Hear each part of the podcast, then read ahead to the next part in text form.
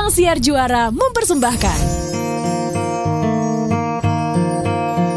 Hear all the inspirational topic this time. Only on Diary Dave. Cosmoners, kembali bersama saya, Dave Hendrik, menyapa Anda dalam Diary Dave, mengajak Cosmoners atau yang mendengarkan melalui podcast Diary Dave di Spotify untuk bersama-sama merayakan hidup dengan inspirasi yang akan dibagikan oleh tamu saya berikut ini. Terpicu dari uh, rasa penasaran kita menanggapi sebuah survei yang lagi banyak dibicarakan orang, katanya generasi Z itu nggak bertahan tuh di tempat kerja, kutu loncat disebutnya. Rasanya tamu kita berikutnya, Yova Belts atau yang biasa dikenal buat Anda para penikmat kontennya sebagai Bu Yo akan menjadi narasumber yang tepat untuk membahas hal ini. Hai Bu Yo, salam kenal. Hai Kak Dev, salam kenal juga. Gimana nih kabarnya? Puji Tuhan, Alhamdulillah baik dong. Puji Tuhan. Yes, aku ikutan sama uh, sebutan di konten ya. Aku panggilnya Bu Yo aja, boleh nggak? Siap, boleh, boleh Kak. Hmm, kalau boleh backtrack sedikit, uh, semenjak kapan sih uh, Yo Fabels atau Bu Yo ini mulai membagikan konten di sosial media berkenaan edukasi, inspirasi, soal interview untuk teman-teman fresh graduate, magang, dan sebagainya gitu-gitu? Jadi awalnya itu karena pandemi ya, karena aku menghabiskan waktu banyak banget di rumah, kita kerja dari rumah gitu ya. Jadi karena TikTok itu kan awalnya nari-nari gitu ya kak, jadi aku ngikutin karyawan aku tuh nari-nari, tapi karena tidak berbakat di nari-nari, akhirnya one day aku kepikiran ide untuk buat edukasi gitu. Dan karena aku di HRD, aku juga tahu ya banyak teman-teman yang di PHK karena pandemi, jadi ya why not gitu, aku coba aja. Jadi iseng sih kak awalnya, tapi video pertama yang aku buat itu lumayan viral, jadi berlanjut kak. jadi nambah dan candu ya biasanya kalau udah bener. sukses ini kayaknya nih niche gue, bener nggak? Bener bener bener banget. Oke, okay. nah kalau gitu Uh, tuh, Cosmoners, jadi ya Bu Yo ini adalah pengalamannya sebagai HRD. Kalau gitu nggak pakai basa-basi tanpa tedeng aling-aling, aku mau langsung bertanya dong, dalam situasi uh, pasar pekerjaan saat ini nih, dengan latar belakang Bu Yo, sebetulnya uh, calon karyawan seperti apa sih yang dianggap appealing untuk masa sekarang Bu Yo? Oke, karena aku berpengalaman bekerja dengan generasi muda gitu ya. Jadi yang kita cari itu di awal adalah uh, personality itu kak. Hmm. Jadi karena aku di hospitality ya kak Dev, jadi hmm. kita itu um, memiliki kategori lifestyle. Jadi di mana personality yang kita cari itu adalah fun, ekspresif, bold, yang anak muda yang kayak gitu gitu. Dan hmm. ternyata itu sebenarnya bukan hal yang mudah loh. Untuk mencari personality seperti itu di anak muda karena anak-anak muda banyak banyak yang malu-malu, nggak pede untuk masuk ke dunia kerja gitu. Jadi hmm. uh, kalau aku sih um, sepakat ya dengan semua tim manajemen itu untuk mencari uh, personality tersebut plus working behavior yang kita cari karena hmm. kita bisa buat orang pinter tapi kita nggak bisa buat orang ramah kak gitu hmm. jadi behaviornya itu harus kita gali dan kita udah ready tuh kita kan udah dilatih nih sama perusahaan dan kita sudah tahu apa yang harus kita tanyakan untuk mendapatkan uh, behavior behavior yang kita mau gitu. Jadi behavior sih penting banget karena skill itu bisa diajarin, tapi untuk buat orang itu bisa kreatif, punya inisiatif, uh, bisa memecahkan satu masalah dengan cara yang unik itu semuanya behavior kak. Seperti itu. Jadi itu sih yang kita cari. Oke, okay, tuh. Skill itu bisa dilatih, behavior itu bawaan lah gitu ya dibilangnya ya. Tadi kan Bu Yo bilang, kita bisa bikin orang pinter, tapi kita nggak bisa bikin orang jadi ramah gitu. Aku tergelitik sedikit mengenai mengenai hal itu gitu ya. Buat yang ngedengerin, tapi kan nggak semua jenis pekerjaan membutuhkan keramahan gitu ya. Tapi sebetulnya setuju nggak Bu Yo kalau aku bilang kayaknya sih jenis pekerjaan apa pun menjadi orang ramah itu akan menjadi hmm, gerbang pembuka pada banyak kesempatan. Benar nggak sih Bu Yo? Aku setuju banget. Karena aku dapat pekerjaan awalnya itu dari networking, Kak. Bayangin kalau aku nggak ramah kenalan sama orang, memperkenalkan diri aku dengan cara yang profesional gitu ya, mungkin aku akan susah juga tuh dapat kerjaan, Kak. Jadi menurut aku ramah itu tetap penting sih di bisnis mana pun kita. Oke. Okay. Gitu. Nah, mengenai keramahan, sekalian memberikan insight nih buat eh, teman-teman uh, yang lagi mendengarkan. Mungkin banyak yang pikir uh, keramahan itu ada hubungannya dengan sifat introvert, extrovert. Buat yang extrovert, ih kayaknya dia memang terlahir ramah deh. Buat yang introvert, aduh agak susah ya aku untuk bisa akrab sama orang baru. Yang aku ingin tahu, mungkin Bu Yo bisa kasih uh, tips gitu untuk teman-teman.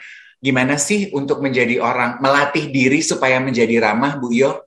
Ya ampun kak, aku itu adalah seorang introvert. Masa? yes. Aku itu tidak terlahir ekstrovert kak. Oh my god. Jadi itu aku kalau berdiri depan orang dulu kalau di kampus itu aku selalu tanganku gemeteran kalau ngomong itu belibet gitu. Saking yeah, aku yeah, nggak yeah, pedenya. Yeah, yeah. Tapi lingkungan itu mempengaruhi kita kak gitu. Hmm. We are who we hang out with. Jadi orang-orang yang ada di lingkungan kita itu sangat memberikan influence. Nah, kebetulan memang uh, aku itu dikelilingi oleh orang-orang yang percaya diri, yang menginfluence aku gimana sih caranya ngomong sama si A, si B karena kalau kita ngomong sama orang yang berbeda pasti approach-nya beda ya nggak bisa kita sama-samain gitu ya jadi hmm. memang orang di sekitar uh, pengalaman yang kita ambil dari orang tersebut apa yang kita observasi dari lingkungan tersebut itu yang aku ambil yang akhirnya bisa buat aku jadi ya enak gitu kalau mau networking kalau mau ngomong sama orang gitu sih kak karena hmm. I'm not this person okay. dulu sih uh, obrolan ini kan sebetulnya membuktikan bahwa uh, keramahan itu juga bisa dilatih sebetulnya ya, bisa dibikin lah gitu ya. Benar, benar, benar banget kak. Okay. Karena sama kayak Bu Yo, aku juga sebenarnya introvert. Ah, masa sih? Mau banget deh. Iya, beneran aku tuh introvert, cuman karena kerjanya di atas panggung, jadi mau nggak mau gue melatih diri untuk kayaknya appear extrovert. Gitu, bisa kan? Fake it till you make it kan? bisa, bisa tuh ya. Asal kita menyadari bahwa keramahan itu penting. Oke, okay, keramahan itu actually hanya satu dari sekian banyak behavior yang tadi Bu Yo bilang uh, akan menjadi apa ya kualitas penting untuk teman-teman untuk bisa bertahan di industri pekerjaan zaman sekarang nih ya kan beberapa kualitas lainnya tahan dulu ya kita kasih jeda waktu dulu ya nanti obrolan bersama Bu Yo akan kita lanjutkan tetap bersama kami di Diary Day. Cosmoners, obrolan dari Dave kali ini bersama Yova Bells atau Bu Yo. Kita ingin menggali tabiat atau nature teman-teman Gen Z dalam dunia pekerjaan. Tadi Bu Yo bilang yang menarik untuk calon karyawan adalah mereka yang punya personality. Karena behavior itu yang paling di, uh, dicari gitu ya. Nah, berarti secara jujur kita juga bisa bilang Bu Yo, kalau diperhadapkan pada pilihan, ada dua nih calon karyawan. Pinter tapi behaviornya dipertanyakan, sama yang tidak terlalu pinter tapi behaviornya memukau, pilihannya akan selalu jatuh pada yang kedua. Pastinya kak, yang kedua. Uh. Sementara is it true gitu ya dari pengalaman Bu Yo bahwa generasi milenial ke bawah kemudian ke Z kan mereka ini hidup di dunia digital nih Bu. Kan rata-rata uh, people skill-nya tidak terlalu terasah. Jadi sebetulnya behavior mereka itu juga karena terbiasa berhadapan pada dua dimensi, jadi behaviornya juga rata-rata tidak terlalu banyak yang mm, mumpuni lah gitu. Nah, kalau itu sebenarnya kita udah ready ya kak dengan pertanyaan kita, karena uh, yang kita pelajari ada adalah behavior itu um, kita ini kan produk dari masa lalu kita, dari bagaimana orang tua kita mendidik kita, bagaimana lingkungan kita waktu sekolah, waktu kuliah, kita adalah produknya gitu.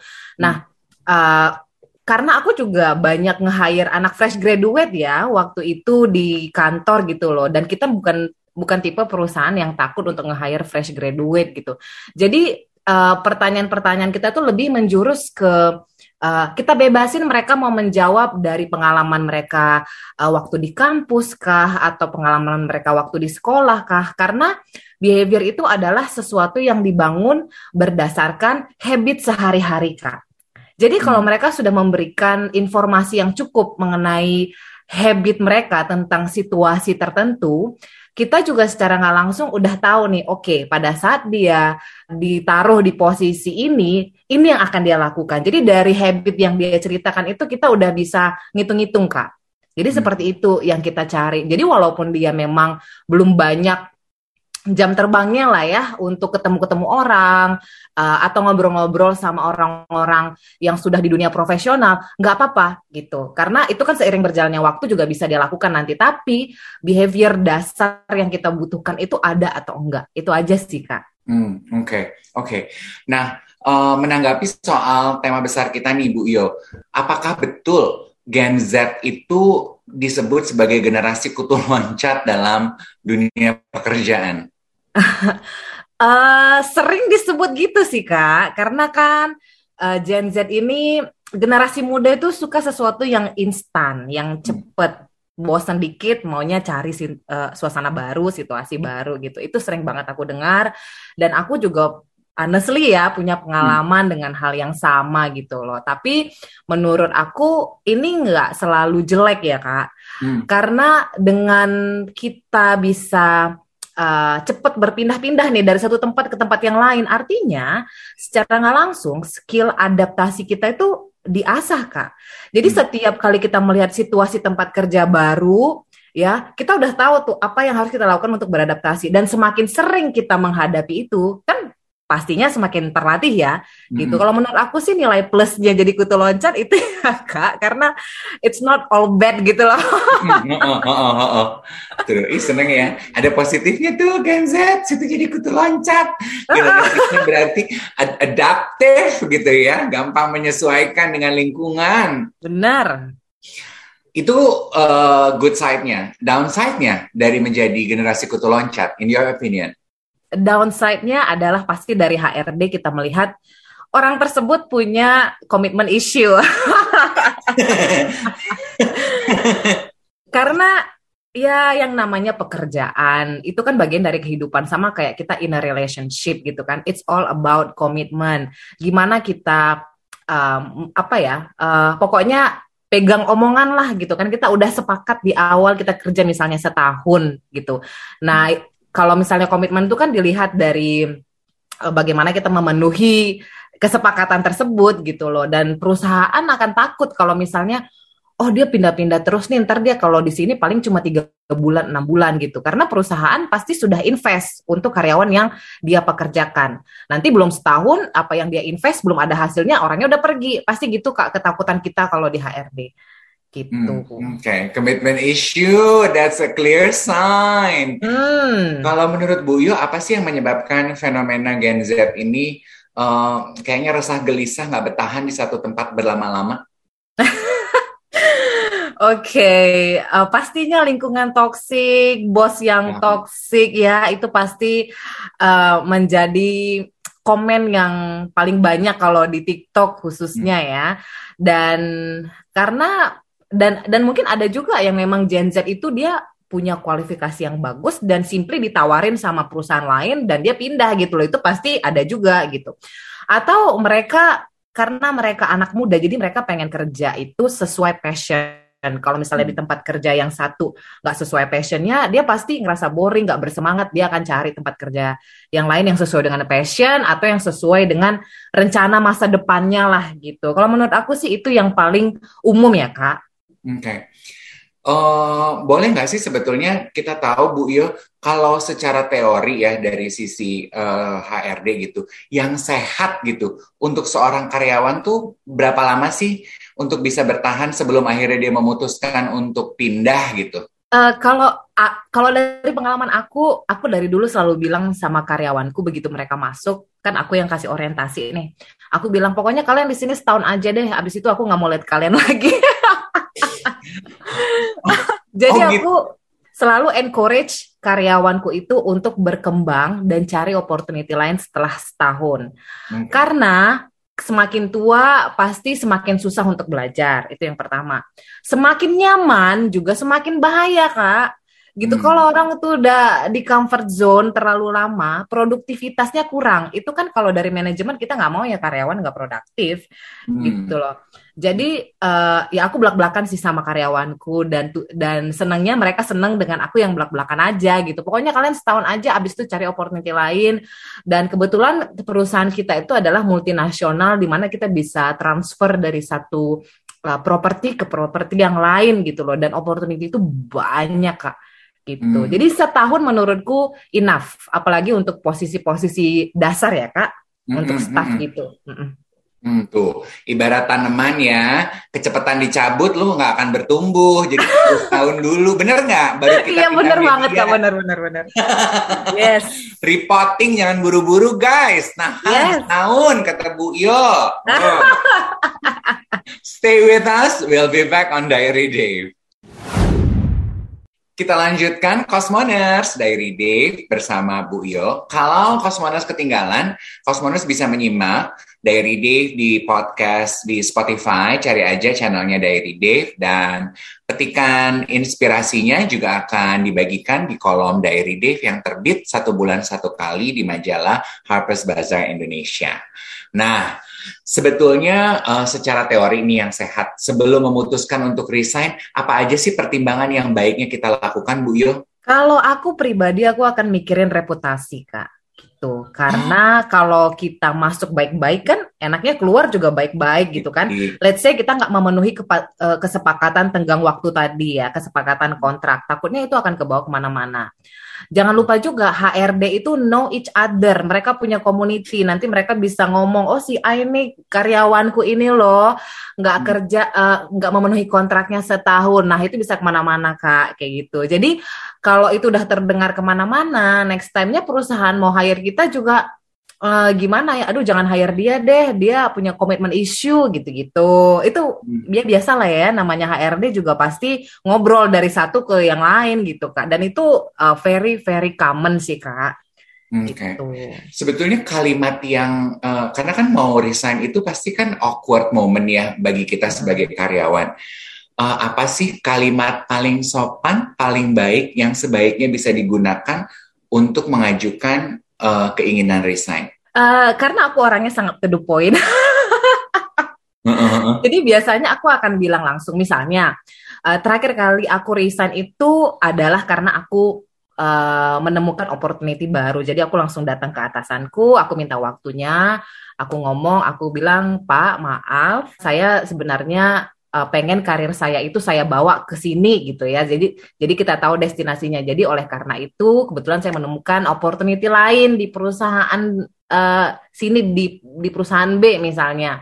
Nah, kebetulan saya sudah melakukan aplikasi, so far lancar, jadi mungkin um, saya akan berencana untuk resign dari perusahaan ini. Kalau aku sih selalu seperti itu, jadi aku nggak basa-basi gitu loh kak, gitu karena menurut aku mau itu kan bad news untuk perusahaan. Perusahaan nggak mau dengar basa-basi. Kalau kamu resign nggak usah dipercantik kata-katanya gitu loh. Ujung-ujungnya juga itu bad bad news buat mereka gitu loh. Iya iya iya iya, iya gitu. Gak tetapi kalau kalau misalnya aku resign sebelum tenggang waktu terpenuhi itu pasti aku akan awali dengan minta maaf dulu. Dan aku kasih tahu alasannya kenapa. Seperti itu sih kak Oke, okay. jadi nggak usah terlalu berlebihan sugar coatingnya, just straight to the point. Karena biar bagaimanapun apa yang kita sampaikan sebetulnya adalah bad news buat perusahaan gitu ya, Bu Yo ya. Betul, betul. Oke, okay. menanggapi sedikit ya. Tadi kan Bu Yo juga bilang bahwa hasil survei yang bilang kalau Gen Z, millennials itu uh, mencari happiness dalam bekerja. Uh, mereka lebih pilih unemployment daripada mesti bekerja di lingkungan yang toksik dan tidak bikin bahagia. Aku hmm. pengen tahu as a company gitu, apa sih yang bisa kita lakukan untuk juga hmm, memperbaiki atau bisa bisa bisa memberikan uh, lingkungan yang tepat lah buat para Z ini dalam bekerja, Bu Yo? Iya, aku sering dengar sih itu kak. Kalau misalnya Uh, to be honest memang karena aku lingkunganku banyak ya anak-anak muda jadi dan aku punya teman yang kayak gitu kak dia lebih hmm. pilih unemployment daripada dia harus bekerja di lingkungan toksik gitu loh. Uh, tapi menurut aku kebutuhan setiap orang tuh beda-beda ya, berdasarkan prioritasnya masing-masing gitu. Dan yang bisa dilakukan perusahaan, uh, ya tapi sebenarnya apa pun yang dilakukan perusahaan, perusahaan cannot make everyone happy. Itu aja. Gitu. Aku juga sebagai HRD, aku nggak bisa membuat semua orang happy karena mungkin treatment yang bagus untuk si A belum tentu diterima oleh si B hmm. gitu loh. Yang buat orang happy itu kan pasti kebutuhannya beda-beda juga gitu loh. Hmm. Kalau menurut aku sih uh, yang pertama itu tetap mendengarkan apa pun yang menjadi feedback dari karyawan itu penting banget ya. Hmm. Tapi setelah didengarkan harus ada follow up-nya. Yang membuat karyawan kesel itu adalah ini manajemen dengar-dengar aja gitu loh buat buat event untuk mendengarkan uh, unek-unek karyawan tapi nggak ada follow up gitu loh. Nah, yang kita lakukan itu di perusahaan aku sebelumnya itulah kita memfollow up walaupun kita nggak bisa memenuhi apa yang mereka mau, tapi kita komunikasiin, kita kasih tahu kita belum bisa memenuhi ini karena ini ini ini gitu. Komunikasi itu penting banget untuk uh, karyawan khususnya untuk anak-anak muda karena anak-anak muda itu kan lebih speak up ya Mm-mm. Mereka lebih uh, apa namanya mengekspresikan apa yang mereka pikirkan gitu loh. Jadi kita harus lebih ke mimik hal tersebut. Mereka pengen cara seperti itu, kita ikutin caranya. Dan menurut aku, so far aku kerja dengan anak-anak muda nggak susah. Dan menurut aku malah itu lebih gampang, lebih hmm. gimana ya? Lebih mau ceplos-ceplos juga nggak masalah gitu sama mereka gitu. Hmm. Itu lebih gampang sih kak sebenarnya. Oke, okay. waduh itu nancep banget yang uh, cosmoners ya. That kind of realization bahwa company nggak mungkin bisa bikin happy semua karyawannya, Benar. ya kan? Jadi ketika ada karyawan yang bilang ia tidak happy, uh, bisa jadi bukan company-nya is a bad company, tapi itu bukan tepat yang tepat aja buat lo gitu ya, yes, Bu Yo ya. Yes, bener banget. Oke. Okay. Nah, habis ini karena tadi kan Bu Yo bilang dia sangat uh, senang bahkan menikmati bekerja dengan anak-anak muda dan millennials dan Gen Z. Habis ini kita mau ini dong uh, minta tips nih buat Anda semua yang lagi mendengarkan Diary Dave yang kebetulan mungkin usianya sudah di atas millennials tapi mau nggak mau harus belajar bekerja juga nih sama millennials dan Gen Z apalagi sekarang kan dengan tabiat mereka yang begitu colorful. So stay with us on Diary Dave. Cosmoners, kita lanjutkan Diary Dave dengan Bu Iyo. Ini di beberapa postingan TikToknya Bu Iyo nih ya, dari Gen Z, kan kelihatan ya, kalau mereka itu sering resign tanpa backup plan. Hmm, rata-rata katanya resignnya gara-gara kesehatan mental. Hmm, aku ingin tahu apa komentar Bu Iyo terhadap fenomena ini. Kenapa sih uh, Why are they so easily bruised? Wow. Aku sebenarnya adalah aku mensupport karyawan yang memprioritaskan kesehatan mental, Kak. Hmm. Itu karena aku juga tipe karyawan yang seperti itu. Dan um, menurut aku ya kayak tadi level toleransi orang terhadap tekanan itu beda-beda. Aku juga hmm. berhadapan dengan orang yang nggak generasi Z, tapi dia nggak bisa menerima tekanan gitu loh. Hmm. Jadi sebenarnya tergantung dengan bagaimana dia uh, habitnya ya setiap hari, bagaimana dia grow up, bagaimana orang tuanya mendidik, bagaimana dia beradaptasi atau dewasa di kehidupannya. Aku yakin sih itu um, ada pengaruh ya untuk hmm. bagaimana dia bertingkah laku di tempat kerja gitu loh. Uh, jadi kalau menurut aku um, untuk Gen Z yang uh, apa ya, yang yang resign tapi nggak punya backup, it's not wise. Tapi kalau mereka memilih kesehatan mental, it's good. Dan biasanya Gen Z itu dari pengalaman aku adalah orang-orang yang selalu punya backup, kak. Hmm. gitu. Jadi mereka pasti oke, okay, abis ini mungkin aku udah ngelamar ke tempat lain, mungkin uh, aku akan buka usaha, mungkin aku akan ngelakuin ABC gitu. Pasti ada aja. Aku jarang sih ngelihat Gen Z itu dia tidak punya plan B. Malah hmm. yang seperti itu yang generasi yang yang sudah lalu kak, yang seperti itu yang tidak ada plan B ya udahlah diam dulu di rumah itu kayak gitu serius gitu. Jadi rata-rata sih eh, Gen Z itu sebenarnya smartnya seperti itu mereka. Mereka nggak mau langsung nggak punya pegangan terus jatuh ya. Jadi hmm. mereka tuh selalu uh, get ready untuk what comes next dan karena mereka mengikuti perkembangan zaman itu lebih mudah untuk mereka untuk membuat plan B tadi gitu. Hmm. Itu sih okay, kan. Generasi justru yang di atas-atas tuh generasi yang kumaha engkewe gitu ya. Nih, aku juga pengen tahu dari Bu Yo ya Cosmoners ya. Tadi kan Bu Yo bilang justru ia menikmati bekerja sama anak-anak muda ini. Apa sih uh, yang bisa kita lakukan tipsnya untuk bisa menikmati bekerja dengan anak-anak muda ini? Setelah kita mengetahui nature-nya ya, mereka hmm. itu uh, mengejar passion, mendahulukan happiness, mengutamakan kesehatan mental, begitu. Very adaptive generation gitu. Sementara kan dalam lingkungan pekerjaan pasti kan masih ada tuh generasi X dan di atasnya yang harus uh, bekerja bersama Z ini nih, Bu Yo. Hmm. Kalau menurut aku sih karena memang nggak nggak usah ada pun walaupun kita nggak bekerja dengan Gen Z kita mau di generasi mana pun kita harus mengikuti perkembangannya zaman gitu. Hmm. Kita beradaptasi.